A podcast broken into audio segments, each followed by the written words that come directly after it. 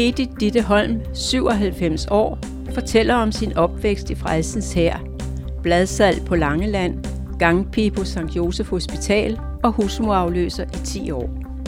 Leder af et stort kontor på Møderhjælpen, medarbejder på værestedet Klippen og med i arbejde med at bringe jøder ud af Rusland til Israel. Bor nu på plejehjemmet Søvang, hvor Ditte fik sit livs største oplevelse. Produceret af Kirsten og Bjørn Hansen for Københavns Frikirke.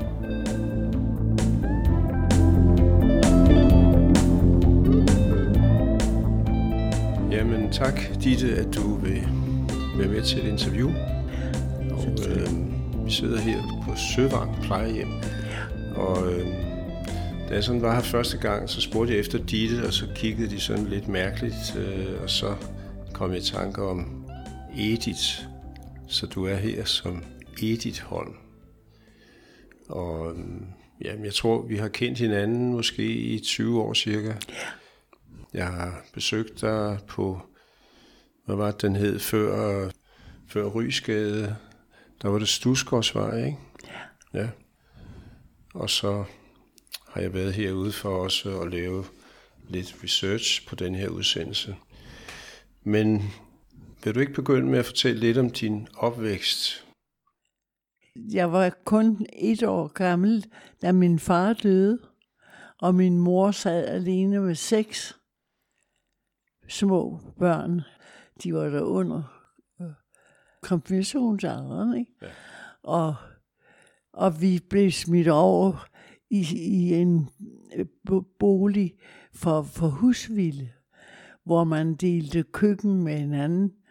Øh, en gammel skole, hvor, hvor, hvor der hvor, hvor børnene hang tøjet, det blev så køkkenet, og så var der et lokale til, til den anden, og til, og til os seks, der var der så også kun et lokale.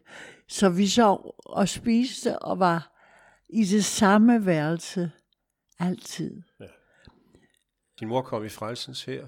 Ja, og det var fordi min mor, øh, frelsens jeg kom til Danmark på det tidspunkt fra England og, og havde stor fremrykning i, dansk, i Danmark. Og, og det, det blev min mor grebet af. Så jeg har helt fra jeg var, var der godt et år, fulgt min mor til møde og siddet og sovet ved siden af hende. Så jeg har fået Guds ord lige fra jeg næsten blev født. Og som ung, så var der også ungdomsafdelinger, hvor vi også blev øh, hjulpet frem. Og jeg var kun 18 år, da jeg rejste hjemmefra. Men i de år fra 18 til 20 var jeg på Langeland og arbejdede fuldtid i Frelsens arbejde. Øh, hver eneste dag var ude og kørte hele Langeland tynd, enten for at samle nogle penge ind, eller sælge et blad, eller løgsedler, hvor jeg havde et par dukker med, som de kunne så øh, vinde. Hele tiden, fra morgen tog man afsted, hvis vejret var godt, og så kom man hjem hen under eftermiddagen. Var du glad for det? Altså, jeg var, jeg var der jo, og jeg var glad for de mennesker, jeg arbejdede sammen med. Jeg var ikke glad for at køre derude på landet. For det var jo på en gammel cykel, og det var jo under krigen, og den kunne jo punktere, og så kunne man jo komme ind i, i en landsby, hvor der så var en, en cykelsmed, der lige kunne lappe den eller sætte et stykke på, og, og, og så kunne man køre igen. Hvorfor flytter du til København? Jamen det var fordi min veninde Asta var så taget til København og fik øh, kom som ung pige på St. Josef Hospital og havde fået et værelse på, på Nørrebro nær hospitalet. Og så skrev hun jo til mig, kom herover. Og det var derfor, jeg, jeg, jeg rejste til København. Og så kom du til at, at lave hvad? Jeg kom også der på, på St. Josef og blev ung pige gangpige hed det dengang, ikke? Og hvad var det, en gangpige? Hun gjorde, hun, øh, gjorde rent og, og, og serverede mad og alt, hvad, hvad, hvad, hvad man kunne til, til øh, de syge, der lå. Og, og min øh, oversygeplejerskes søster Gertrud øh, fandt, at jeg skulle på skole, og jeg skulle være sygeplejerske. Det begyndte jeg så på, men da jeg aldrig havde haft nogen eksamen, og aldrig åbnet en bog, imens jeg gik i skole, så var jeg meget dårlig udrustet. Men på afdelingen, vi var den halve dag på skole, og den halve dag oppe på en afdeling. Og på afdelingen var jeg utrolig afholdt, fordi jeg var god til at, at, at, at være om patienterne. Og der, det var med at give dem bækner, og det var, var med at hjælpe dem med, med så mange andre ting. Ikke? Så kom du øh, hen på Frederiksberg menighedspleje. Ja, og, men, og der var jeg i 10 år. Og hvad gik det ud på? Jamen det gik jo ud på, at jeg kom i hjemmene, hvis en mor blev indlagt, og der var børn, der skulle passes, eller hun lå derhjemme og var syg. Jeg kom, når manden gik hjemmefra, og, og blev der til, han kom hjem fra arbejde. Der var noget med en, en mand, som øh, kom med en uretfærdig bemærkning. Ja, fordi han havde, de havde to drenge. Og da jeg kom, der var hun blevet indlagt. Og da jeg så har været der et par dage, så tænkte jeg, nu vil jeg gå hen på hospitalet, besøge hende og, og, og tage drengene med selvfølgelig. Og så hilse på hende, så hun vidste, hvem der var i hendes hjem. Og det var en sød, sød dame, men hun var sådan lidt beklemt. Og pludselig sagde hun, jeg tør næsten ikke at komme hjem. Og så sagde jeg, hvorfor gør de ikke det? Fordi min mand siger, at de ordner det hele så flot, og alting er i orden, og, og når han kommer hjem, og maden er der sådan. Og så sagde jeg, ved de hvad, det kan deres mand ikke være bekendt. Det er mit arbejde. Og jeg har en tilsynsførende, der kan komme hvornår som helst og se, om jeg passer mit arbejde. Det ser ikke sådan ud hjemme hos mig til hverdag. Og da jeg ved, at de går med aviser om morgenen, før de skal tage drengene og have dem hele dagen, så kan jeg vide, hvor, hvor meget de skal kunne nå på en dag. Og det, og det måtte jeg så sige på kontoret. Vi skal være meget forsigtige, at vi ikke kommer til at lave splid imellem ægtepar, fordi vi gør det hele. For det skal være, som det er, når hverdagen er der. Det skal vi lære. Efter Frederiksberg menighedspleje, hvad, hvad sker der så? Ja, der kommer jeg så. Der er nogen, der, der, der siger til mig, der er en stilling på møderhjælp. Kunne du ikke tænke dig, det, det er... Og det begyndte jeg med. Og pludselig så den dame, der passede kontoret, og det var et meget stort kontor med mange øh, opgaver, så gik det over til mig. Og, og, og det betød, at jeg sad med alle psykiaterne. Det var jo en abortafdeling, for dengang havde man jo ikke fri abort. Og der kom psykiaterne og gav timer, at de så havde nogle patienter, som de talte med, og så skrev de på en, øh, på en diktafon, på plader, som blev lagt ind i journalen, og så kom jeg hen på skrivestuen, og den var jeg også chef for, og sørge for, at, den, at det blev skrevet og kom ind i journalen. Og når så der var samråd, så kom der en læge fra hospitalet og kiggede det igennem, og så blev der sagt, om de kunne få fri, om de kunne få abort, eller de ikke kunne få det. oplevede du at være værdsat på arbejdet? Jamen, det gjorde jeg. Det gjorde jeg virkelig, fordi overlægen, som havde ansvar for det store kontor, som man kaldte det, han, han sagde en dag til mig, det har aldrig gået så godt, som siden de er kommet her, Holm. Og det var jo en stor glæde for mig, at jeg uden nogen uddannelse havde fået alt det der til at køre til tilfredsstillelse. Nu kommer vi så til noget, hvor du og en ven forlader frelsens her. Hvorfor det? Jamen, det gør jeg desværre, fordi at, at når der kommer ufred og jalousi, og det kan der også komme igennem i mellem kristne mennesker. Og det kom der imellem musiklederen og visemusiklederen. Og begyndte at komme nogle grimme rygter. Altså, vi var nogle stykker, der ikke ville acceptere det, som sagde, vi kan ikke være med under disse forhold. Og så trak vi os tilbage. Og det, øh, og det kan jeg godt se bagefter. Der var nogle stykker, øh, som, som vendte tilbage efter. Men der var jeg jo på møderhjælpen og havde lært nogle mennesker at kende, som var virkelig utrolig fine mennesker, som arbejdede med Rudolf Steiner.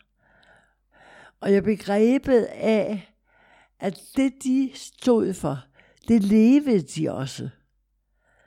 Og på det tidspunkt, jamen der kunne jeg slet ikke vende tilbage, fordi jeg var blevet så grebet af det nye der, så jeg tænkte, jamen det, det er nok, vi skal nok videre. Det andet, det børnelærdom.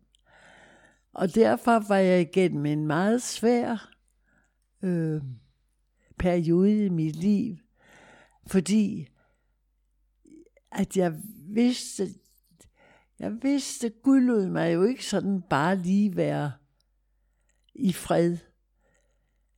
Jeg vidste jo, at på et eller andet tidspunkt måtte jeg tage stilling. Du møder en person på Femø, som får stor betydning for dig. Ja, altså jeg, jeg møder så en nordmand, som er på Femø. Hun er der netop for fordi hun er med i, kvinder, i kvindebevægelsen. Ikke? Ja. Men, og så lærer jeg Nanne at kende, og Nanne flytter så op på tylejren. Og, og en dag, hun ringer sådan lige tilfældigt, vi ringer meget sammen, fordi jeg har noget af hendes ting stående i min kælder. Sådan. Så ringer hun og fortæller mig, at hun er blevet frelst. Og jeg, som vi plejer, når vi bliver forbavset, siger, undskyld, vil I ikke lige sidde ned?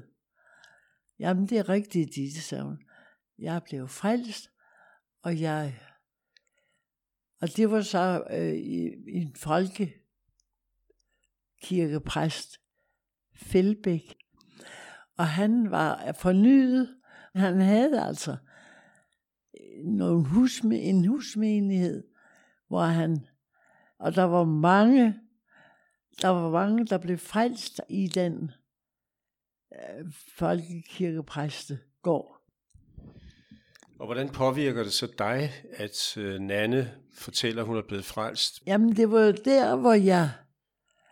For der skete nemlig noget også sådan set i frelsens her, der var kommet en svensk prædikant med fornyelsen. Og i Sverige var de ikke glade for ham. Og nu har han så nogle møder i Danmark, hvor folk strømmede til. Og min søster, som boede i Fredericia, fra Olga, hun var så grebet af det. Og så ringede jeg til hende og sagde, få en plads i den bus til mig, så kommer jeg. Fordi der var noget, der ligesom talte til mig. Og samtidig var Anne-Lise og Peter Madsen. Så det betød også så meget, og ligesom at få talt med Anne-Lise. Og Anne-Lise havde jeg jo kendt at komme i hendes hjem, og, og legede, øh, været i ungdomsklub i Fredericia med hendes søskende. Og, og nu var, var hun, havde hun oplevet så meget. Og jeg tænkte, hvorfor har hun oplevet så meget med Gud? Og her står jeg og kan ikke finde ud af det. Der var så mange ting, der brød sig i mig. Og der var det så, at på et af Larsons møder, hvor, hvor, det, hvor, det, hvor det var virkelig sket, hvor jeg sagde, far, det de har, det vil jeg gerne have. Og det var sådan set fornyelsen og alt det der.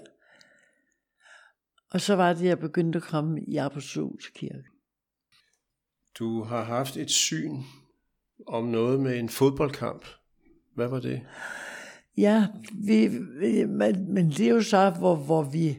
Jeg har jo været med, efter jeg er kommet til Apostolsk Kirke, har jeg jo så været med til en del bønnegrupper. Og den ene gruppe, der var vi, øh, Jank, hvor vi sad og bad for nogle ting, og der så jeg ligesom, at folk vandrede til over til, nu boede jeg jo så nær sportspladsen, så jeg kunne følge med, når der var store kampe. Og hvor det ligesom Gud sagde, sådan vil folk engang vandre over for at høre Guds ord. Fortæl lidt om, hvad du lavede i klippen på Halmtorvet, og så var du øjenvidne til en tragisk øh, begivenhed. Ja. Jeg kan huske, at der var også en ganske ung mand, som nu var blevet en kristen og, og, og, og deltog øh, med hjælp. Og han sagde til mig en dag, Ditte, jeg har, jeg har været med til at slå ældre damer ned, fordi min lillebror og jeg ikke kunne have nogen penge til mad, eller også til stoffer for vores mor lå, og var altid beruset og påvirket. Og jeg ved, at han senere blev socialrådgiver. Han fik noget ud af sit liv, fordi han tog imod Jesus. Der var mennesker som Tine, tror jeg hun Tina, hed. Hun havde været i Jylland og var blevet clean, altså var blevet øh, ren for stoffer, og var kommet tilbage til København, og ville selvfølgelig hen og hilse på Johannes og os derhenne. Og så går hun igen med Istergade, og må have fået fat i et eller andet, de har solgt til hende. Og, og en yndig pige på 24 år. Og så da vi skal til at lukke, så siger jeg til Johannes, der er nogen inde på toilettet, og der er låst. Og der går Johannes hen og tager i døren, og så sprænger han den. Og der inde på gulvet, der ligger Tina, men hun er død. Og det var så sørgeligt at se, at sådan en yndig pige, som skulle have haft meget mere ud af sit liv, og blev hengivet sig til stoffer igen. Jeg kan forstå, at du har været i Rusland, øh, Ditte. Hvad lavede du der? Ja, men det begyndte sådan, at, at Moses lavede nogle vidunderlige ture øh, til for at tage jøder ud. Og, og så kunne man komme med, og så betalte man for sin rejse. Vi kunne være en halv bus fyldt med mennesker, og så den anden halve, den var fyldt med ting, som vi tog med derover, fordi de manglede alting. Og der var mange ældre, som ikke kunne tænke sig at komme ud af Rusland. Så dem havde vi nogle ting med til. så de kunne få det lidt bedre. Og så også her fra København, vi skulle tage toget op til Var det Helsinki? Helsingør, ikke? Helsingør. Så da de kom de sidste og ventede på at skulle med færgen, så sejlede den. Så vi kom ikke med. Og så var vi jo meget nervøse, fordi vi skulle jo møde de andre. De andre kom fra Herning med bussen, så vi måtte ringe og få fat i dem og få sagt, at vi kommer lidt for sent. Og vi måtte med det samme, vi kom ombord, bede om, at Gud ville lede det på en måde, så de ville lykkes for os. Og det gjorde det. Og vi nåede frem, da vi kom frem, så stod de og hæv os ud og hen til, til færgen. Så sejlede vi fra Stockholm til Finland. Og så kørte vi fra Finland igennem skovene ind i Rusland. Og det var, det var en lang tur, men vi sang, og vi, og vi stolede på, at Gud på en forunderlig måde ville gøre det godt for os at komme til Rusland og møde jøderne der. Og da vi kom der, så var der en dame, som havde skaffet os de mennesker, vi skulle møde, og vi kom rundt i hjemmene og så, hvor uselt de boede. Hvor mange de boede i en, i en enkelt lejlighed. Og, og der var ikke plads til dem alle sammen. De gik med kosteskaft. De havde aldrig haft en... Nå, de har ikke aldrig haft krykker. Nej, de havde, de havde ikke noget. Vi kom også med vogne. Uh, vi, vi mødte blandt andet en ung officer, som havde russisk officer, som havde fået taget begge ben af.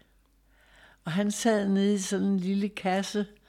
Han fik en kørestol, og vi fik ham jo op i kørestolen og bad for ham. Og det viste sig, at han røg ned igen, for han kunne ikke tjene nogen penge op i den store vogn. Han skulle ned i den lille vogn for at få penge til mad og sådan noget. Men sådan var der så mange underlige oplevelser, fordi Rusland på det tidspunkt var meget fattig. Men de var et stolt folkefærd. Man kunne ikke sådan give dem noget, det ville de ikke have. Så når vi havde været og besøgt nogen, så lavede vi nogle penge, og, og så gik vi. Og vi skulle så møde dem med dem nede ved næste morgen, øh, nede ved øh, vandet, hvor, hvor altså, det var, jo, det var jo ikke sådan, at man bare kunne gøre det offentligt. Så vi tidlig næste morgen, så holdt vi nede i sted med vognen, og så kom de, der skulle med, og det kunne være unge, hvor deres forældre stod og sagde farvel til dem, og det kunne sammen være omvendt. Forældre, der tog afsted, og de unge, der sagde farvel.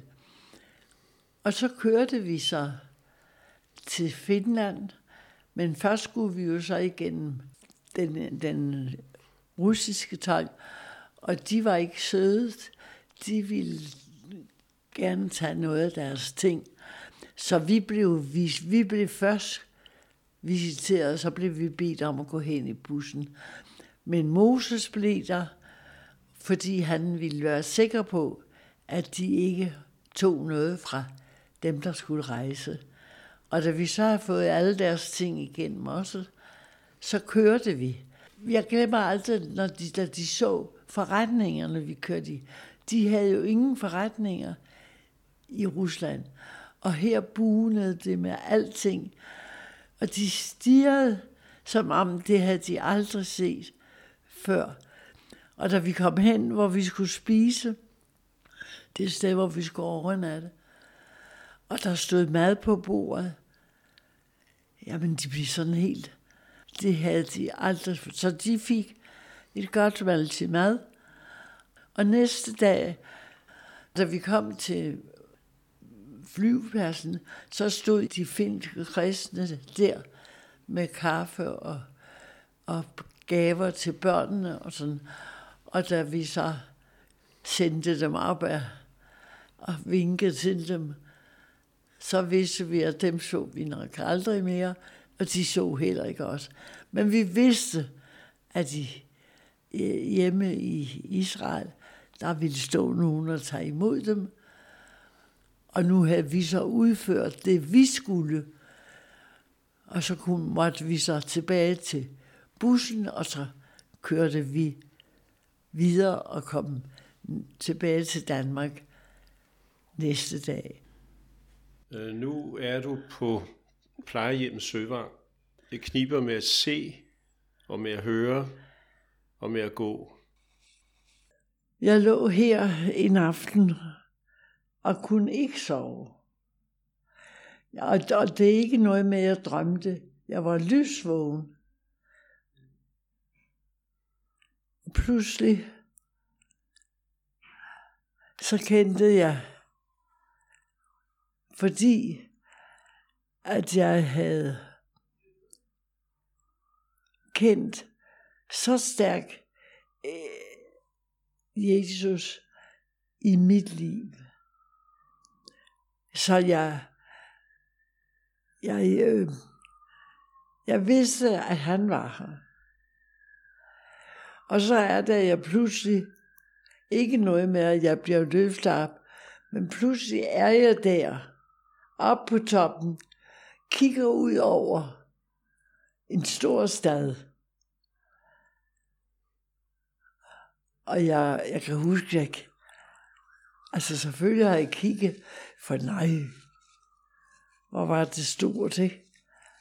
Og så hører jeg en stemme, der siger, dette er den nye himmel. Og det kan jeg forstå, ikke? Men at der, så bliver sagt, og den nye jord. Så der vil blive en jord på en eller anden måde. Det er den nye himmel og den nye jord. Og så blev der ikke sagt mere. Og det var ikke noget med, at jeg kørte op og ned. Vel? Så var det bare væk. Men så var det så, at jeg stod et sted, hvor Helligånden var så stærk, og så kommer det der. Det er den anden himmel. Og for mig var det nok. At det, altså at Gud har taget mig til sig. Så den dag, jeg bliver taget bort, så vil jeg møde ham.